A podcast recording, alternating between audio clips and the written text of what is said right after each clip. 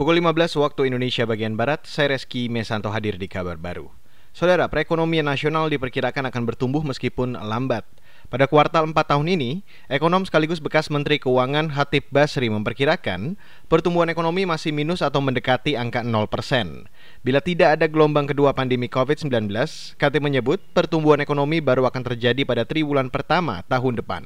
Jadi kalau ini ada things being equal, tidak ada second wave dalam pandemi, saya lihat bahwa polanya itu akan bentuknya seperti ini, seperti swash shape atau logo dari Nike. Jadi dia mungkin di quarter 4 itu masih uh, negatif teritori atau deketin nol, baru kemudian mulai positif itu di triwulan pertama mungkin 2021 ya.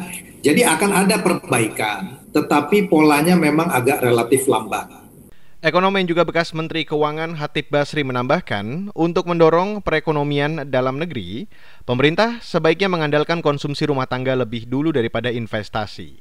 Untuk itu, bantuan sosial seperti BLT dan PKH bagi masyarakat kelas menengah ke bawah harus terus didorong penyalurannya. Tujuannya untuk menjaga daya beli masyarakat yang kemudian bisa mendorong permintaan produksi industri. Beralih ke informasi selanjutnya, Saudara Kota Bandung zona merah penyebaran COVID-19. Wakil Wali Kota Bandung Yana Mulyana kemarin menyerukan, saat libur Natal dan Tahun Baru nanti, wisatawan jangan dulu datang ke Bandung. Begitu juga sebaliknya, seluruh warga Bandung diminta jangan keluar kota selama status zona merah. Warga dari luar Bandung itu jangan masuk Bandung dulu lah gitu ya. Ya, karena jangan sampai mereka juga ada potensi terpapar ya. E, dan tadi mungkin saja mereka juga akhirnya nanti terpapar karena kita sudah di zona merah positif rate kita itu udah di atas 20 persen ya rasanya. Penetapan Kota Bandung sebagai zona merah menurut Wakil Wali Kota Yana Mulyana berdasarkan evaluasi pemerintah Provinsi Jawa Barat. Sementara itu, Sekretaris Daerah Kota Bandung Emma Sumarna menjelaskan, penyebab lonjakan kasus COVID-19 di wilayahnya adalah mobilitas masyarakat yang tinggi saat libur panjang akhir Oktober lalu. Saat ini ada lebih dari 750 orang yang masih terkonfirmasi virus corona secara aktif di kota Bandung. Akibatnya tempat tidur untuk isolasi pasien COVID-19 nyaris terisi penuh.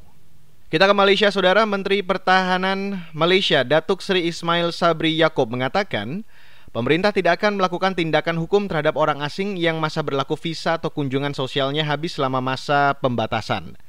Bagi warga negara asing yang ingin kembali ke negaranya masing-masing, menurut Ismail bisa melakukannya dengan hanya menunjukkan tiket pulang di Bandara Internasional Kuala Lumpur. Sedangkan bagi yang berminat tinggal lebih lama, perlu membuat janji pertemuan lebih dulu dengan Departemen Imigrasi. Hal itu untuk memperbarui visa secara daring melalui aplikasi Temu Janji Daring atau STO. Sebelumnya, pemerintah Malaysia memperpanjang pelaksanaan karantina yang seharusnya berakhir pada 31 Agustus menjadi 31 Desember.